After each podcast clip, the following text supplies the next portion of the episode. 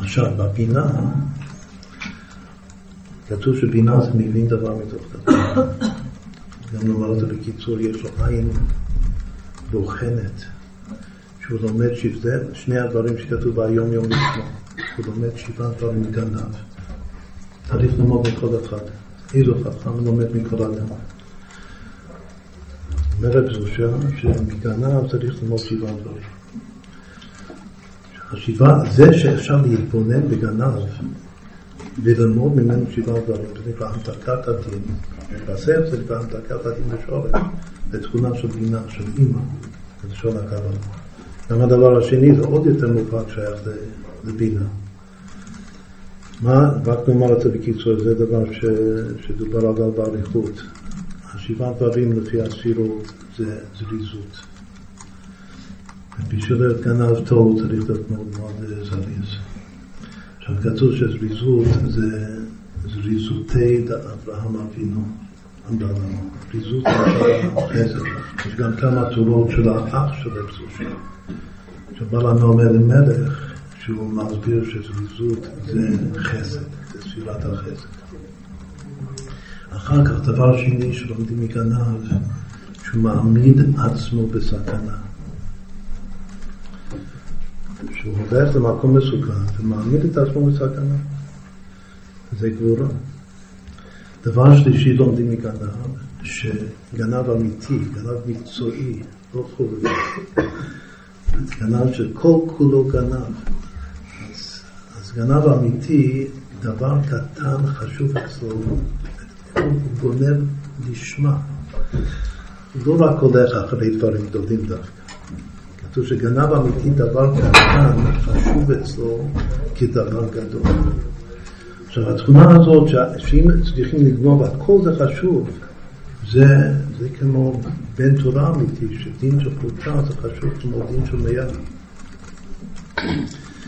וזה תפארת, זה ש, שיש פאר בכל הדברים מקטן ועד גדול. גם בתורה יש דבר קטן שנקרא הוויות דפי ורוב, דבר גדול זה מעשה, ראשית מעשה מרכבה. הכל חשוב באותה מידה בדיוק, זה מידת התפארת של שלנו. אחר כך הדבר הרביעי שלומדים מכאן זה שהוא, לפני שהוא הולך לגנוב, הוא מתמלא ביטחון ותקווה, הוא בעצם מקווה, זה הלשון. עכשיו, ביטחון, ביטחון שהוא כוח מניע לפעול, ליזום ולפעול, זה נצח.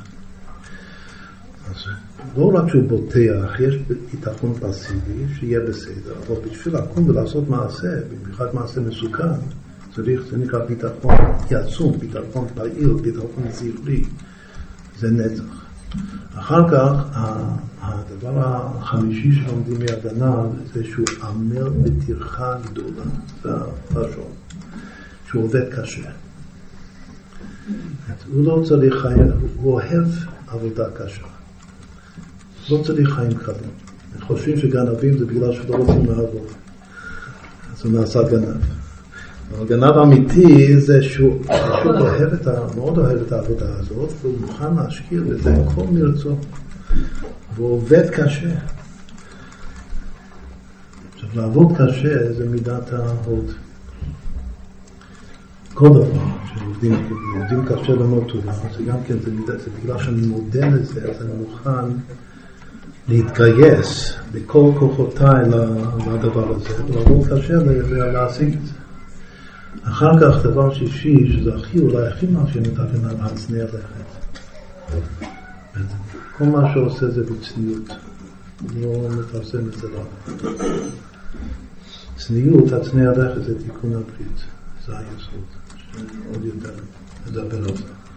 ודבר אחרון, שזה האחרון האחרון חביב, שאם הוא לא מצליח פעם ראשונה, הוא חוזר ומשתדל הרבה פעמים. עוד פעם ועוד פעם. אין שום ייאוש בעולם כבר.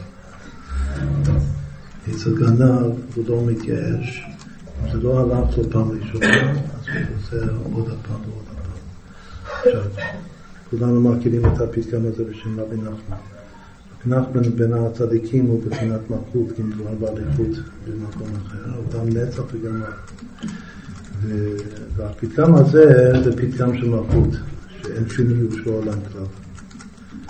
כלומר שאם לא מצליחים זה כל עניין המלכות, כמו איך זה הכי נוגע, נאמר את זה במילים, הדוגמה הכי פשוטה כאן בארץ. אם עד עכשיו הממשלה הזאת, והממשלה הזאת, והממשלה הזאת לא עלו יפה, אז לא מתייאשים, יכול להיות שמתייאשים לצורת הממסד, אבל לא מתייאשים מלכות ישראל אמיתית.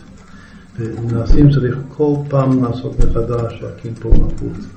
ולא להתייאש שלא ייתכן מלכות, זה לא הולך. צריך ליזום ולעשות עוד פעם. כמובן שכל הדברים האלה זה הולך ביחד. כל פעם שאתה, כל פעם שזה לא הלך לך ואתה לא מתייאש ומנסה עוד הפעם, אז זה גם עוד יותר מסוכן, יכול להיות. זה נקרא בניין, ה, בניין המלכות מן הגבולות. והגבולה אמרנו שהוא מעמיד את עצמו לכתחילה, הוא שם את עצמו במקום מסוכן, הגנה. וכל שכן, אם הוא לא הצליח וחוזר עוד פעם, אז זה עוד יותר מסוכן. ודווקא בזכות זה, הוא בסוף זוכה. עכשיו, מי יכול לומר כזה דבר, צורה כזאת? למרות שבעה דברים, זה שוב, זה, זה, זה זה שוב, זה מבין דבר מתוך דבר. זו הבנה עמוקה ביותר. מה הדבר השני שהוא אמר, שמצוטט בשמו ביום יום? פעם אחת יצא המקות של הפסוק בשבת תשובה, ושבת עד הווי אלוקינו, שתשובה צריכה להיות עד ששם הווי למעלה מהטבע, יהיה אלוקיך, יהיה הטבע שלך, שהטבע, אלוקים בגמרתי הטבע, שהטבע של כל יהודי יהיה הווי, היה הווה ויהיה. אז כדרכו בקודש, ברגע שהוא רק שומע, גם כן נאמר, נאמר וורט על זה עכשיו תכף. אז הוא יוצא מן הכלים. אבל במקרה הזה, כך זה העניין הטבע של הפסושה, אבל במקרה הזה הוא יצא מהכלים כדרכו, אבל אחר כך, כשהוא חזר על זה, הוא הגיש שאני לא יכול להגיד דרגה כזאת, שמיד ושבת עד הווי אלוקיך, שאני יכול לעשות תשובה עד כדי כך ששם הווי מהטבע יהיה הטבע שלי, האלוקיך, אלוקים, כמעט הטבע, מה? אלא מה? אני יכול לקחת עמדת תשובה ולפרק אותה לחמש אותיות, תש"ו-ה, ותחת כל אות לשים סוג מסוים של תשובה, וככה לבנות את התשובה שלי מההרכב של כל חמשת הסוגים האלה. ומה הם? שתו זה תמים תהיה מה שלא קודם כל תמימות. השין זה שיוויתי אשר נביא תמיד. הוו זה זה לאחד כמוך. הבית של תשובה זה בכל זאת הופך ידינו. וההי של תשובה זה על סנה הדרכת. שזה המכנה המשותף בין התורה הזאת לבין התורה של הגן. עכשיו, הראש הזה לקחת כלל, שהכלל גדול עליי, אבל אם אני אפרק את הכלל לכך וכך מרכיבים, אז אני אוכל לעכל אותו וליישם אותו, זה נקרא תבינה. את הדבר הראשון ללמוד שבעה דברים מכנף זה בינה עילאה, או החוכמה של הבינה. והדבר הזה שיש משהו שגדול עליי, אבל אם נפרק אותו, אז הוא יתקבל, הוא יתיישב, הוא ייקלט תבונה זה נקרא קליטה. זה התורה השנייה הזאת. במיוחד בנוגע לתשובה. בכל ספר הזוהר והקבלה והחסידות תשובה שייכת לבינה. כמו שישעיהו הנביא אומר את זה בפירוש, לבבו יבין ושב ורפא. שקודם צריך להיות בינה בלב, ואז בשב, אז הוא עושה תשובה מתוך הבינה ורפא. גדולה תשובה שמביאה רפואה לעולם. הכל לומדים את זה מהפסוק הזה. לבדו יבין ושב ורפא. עכשיו אמרנו, אם כן, שני הדברים האלה, זה גם כן מאוד מעניין המספר שלהם. בהגנה הוא לומד זין דברים. בתשובה הוא מפרק את התשובה לחמישה דברים. מה הסימן? נזכור את שניהם. זה, זה הדבר אשר ציווה השם. זין דברים מגנב, וה' חילוקי תשובה. משה מתנבא בזה. משה זכה לבינה. אז אלו שתי הבחינות, שני הדברים שחוזרים בשמו, שתי ההשגות האלה. עכשיו אמרנו הרגע ש, שכל פעם שהמגיד הרבי היה פותח בתורה, אז הוא רק היה אומר את הדיבור המתחיל, את הפסוק, כמה מילים מהפסוק שהולך לומר על זה תורה. מיד רב זושה היה יוצא מן הכלים לגמרי. ומתחיל להשתולל ולצעוק. אז כמובן זה מפריע לכל התלמידים, שלא יכלו להתרכז לשמוע את התורה. אז השאלה, החברים של התלמידים מיד לקחו אותו בידיים והוציאו אותו מהחדר, שלא יפריע. ככה זה הכל פעם. אחרי שהמגיד גמר את התורה, כולם שמעו את זה, עכשיו כל תלמיד הוא, הוא לא בהתפרטות מהתורות של המגיד, כל תלמיד באיזה שלב הוא יצא מהכלים. ולאו דווקא שהוא הפריע, או סתם, שהוא סגר את העיניים, שהוא נפל על השולחן, שהתהלך. כל אחד היה לו את הקטע שלו. אבל רב זושה, רק מהמילה הראשונה, אז הוא לגמרי יצא מהכלים והתחיל להשתולל. לכן היו חייבים להוציא אותו מה, מהחדר.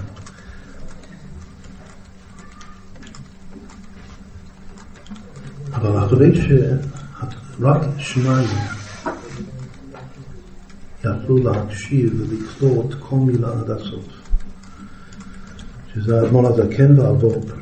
הוורפר זה באמת היה אחד, תלמיד של המגיד, שקרה איתו מקרה לא טוב. שהוא, נתפס לאיזה קליפה, וכל החיים הוא עשה גלות כדי לכפר על עצמו, שאין כאן אנחנו נספר עליו.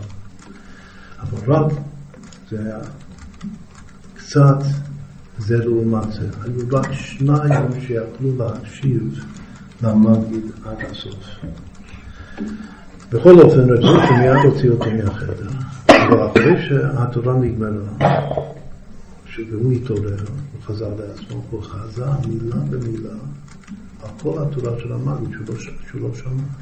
הוא רק שמע, הכל קלט את זה כאילו בדיבור המתחיל, ואחר כך הוא פירט את הכל מעצמו. המגיד פעם אמר עליו, הרב זושה, שאנחנו שומעים תורה חדשה מן השמיים ביחד. כל מה שאני שומע, גם הוא שומע. רק מה? שהצינור מן השמיים, התורה החדשה, הצינור יורד אליי, כך אומר המגיד, אבל ברגע שזה מגיע אליי זה מיד עובר אליי. זאת אומרת שכאילו שמקבלים את זה ביחד. אם כי שקודם זה נכנס בי, וזה כאילו נשלח מן השמיים אליי, אבל מיד הוא מקבל את זה. אם כי שלזו של התלמיד מובהק שאמרתי, אבל כמו שאמרנו קודם, הם בערך באותו גיל, יש אפילו סברה אחת שלזו שהתלמיד יותר גדול קצת. בכל אופן יש הרבה הקפדה לפני ההסתלקות של המגיד. הוא אמר, זה דבר שלא כתוב בצבא, זה דבר שבבבון אמר לו, כתב אחרי שאבא שלו הסתלק, המגיד, יש מוסדר גם כן בגניזה, שהבן רב אברהם מלך כותב את הדיבורים האחרונים של אבא, לפני שהוא עזב את העולם. שכל הדבר הזה זה גם דברים מופלאים ביותר, שאין כאן המקום לעבור על כולם. מי היה נוכח בכלל במעמד הזה? גם כן, רק הבן, אברהם המלך, המעביר מהנפוליה, והאדמו"ר הזקן ורב זושה. והמגיד אמר, האם רב מנדל גם נמצא כאן? ושאלת רבי ענה שהוא לא כאן, אז הוא נאנח קשה. אבל שהוא רצה, המגיד רצה שגם רב מנדל יהיה שם בשעת מעשה, והוא לא היה. מי כן היה בשעת מעשה? שוב הבן, אלת רבי והמרבה מהנפולי והרבה רבוש.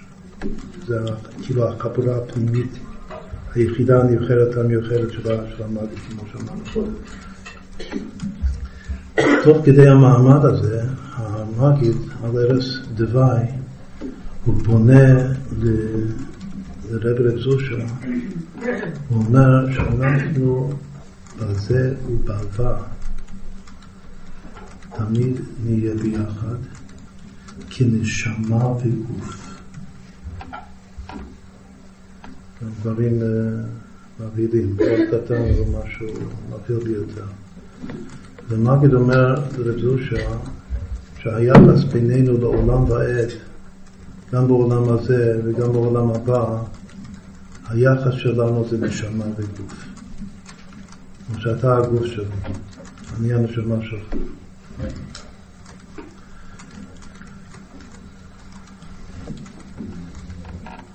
אמרנו קודם שרב זושה הוא הקדיש הרבה הרבה יותר מכל הצדיקים מאמץ ועבודת השם בזיכוך הגוף. שבע שנים האחרונות, מגיל 91 עד 98, הוא התייסר מרצונו. כל החיים הוא סיגט את עצמו מאוד מאוד מאוד, שזה לא דרך הפרשנות בדרך כלל, זה יוצא מן הכלל. בשבע השנים האחרונות התייסר בצורה שבלתי מתוארת, וכשצדיקי הדור היו באים לבקר אותו וניסו לעזור, אז לא יכלו בגלל שכמו שהחוזה מנוגדים למשל אמר בפירוש, הרי הוא מקבל עצמי רצון, אני לא יכול להקים אותו. צדיק כמו החוזה מנוגדים יכול לעזור, כמו שכתוב בגמרא, להושיט לו יד ולהקים אותו. הוא אומר שהוא בוחר ביסודים האלה. הצדיקים אמרו, בפורי השרף, וגם החוזה, שבשבע שנים האחרונות שלו שואל לזושה, הוא זיכך את הגוף כל כך שהוא חזר להיות כמו אדם הראשון לפני החטא. עכשיו, אם הוא חזר להיות כל כך גוף מזוכח כמו אדם הראשון לפני החטא, אז זאת אומרת שלא שייך אצל מוות. לפני החטא אין מוות. הוא הדבר שאמרנו קודם, שאצלו זה בין הכאילו מת. הוא בטל מן ההיעלם של עולם לגמרי. עכשיו זה גם כן מסביר שהוא הגוף של המגיד. עכשיו הגוף של המגיד זה גם בתורה. התורה יורדת לנשמה, ומיד, היות שהנשמה מלובשת בתוך הגוף, מיד הגוף שומע גם כן ביחד עם הנשמה וקולט. אבל בשביל הגוף בעולם הזה זה כל כך החוויה של האור החדש יורד לנשמה למגד בעצמו. והגוף מקבל את זה, מרגיש אוטומט, זה כל כך גדול שהוא יוצא מן הכסף, הוא משתגע כמעט, משתולל הגוף.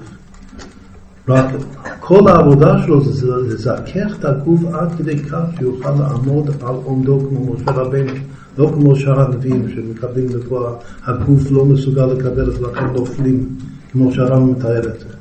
רק משה רבינו שנתנבא בזה, זה גם כן עניין של רב של להגיד הזה הזה, אז הוא יכול לעמוד על עומדו, תוך כדי שהגוף יציב ועומד על עומדו תוך כדי קבלת הנביא.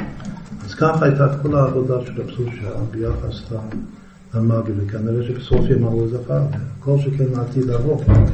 שהמאגין אמר לו שגם בעולם הבא אתה תהיה הגוף שלי. כתוב שלעתיד לבוא הנשמה תיזום מהגוף. בעולם הזה האור עובר מהנשמה לגוף. זה אלתר רבי אומר, אתמול הזקן מחדש שבעולם הבא הנשמה תיזון מהגוף.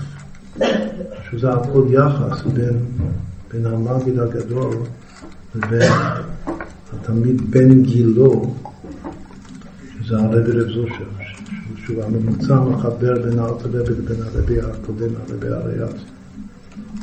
אמר עוד משהו מאוד מיוחד. יודעים שבשנת תשל"ח הרבי קיבל התקף לב חמור מאוד. תוך כדי שהוא קיבל את ההתקף, גם תוך כדי ההתקף, שזה היה בשמחת תורה, תשל"ח הוא לא התפעל בכלל. הרופאים אומרים ש, שזה פיקוח נפש ממש. הוא לא הסכים לדעת בבית חולים, בבית רפואה, כלום. זה לקח חודש ועוד קצת עד שהוא התאושש, בראש חודש כסלו הוא יצא מזה. לכן עושים אה, בחב"ד, נרגיל לעשות מזה יום טוב. עכשיו נאמר איזה חידוש מאוד מאוד יפה, למה, למה בתשל"ח הוא קיבל את ההרכב הזה? הרי הרבי כל הזמן אומר שהנשיא דורנו זה הרבי הרייץ הקודם. ושאלו אותו, היה משפט, משפט חילוני, שהעורך דין שאל את הרבי בעצמו, שלא שהרבי הלך לבית משפט, אבל הוא בא אליו, ושאל אותו, מי זה נשיא דורנו שאתה אומר כל הזמן? שהספרים, בעניין הספרים, שהספרים שייכים לנשיא, מי זה הנשיא דורנו? אז הרבי עשה ככה. כלומר שנשיא דורנו, הרבי הרי היה אצל בי, נראה בי, כי בי חשד.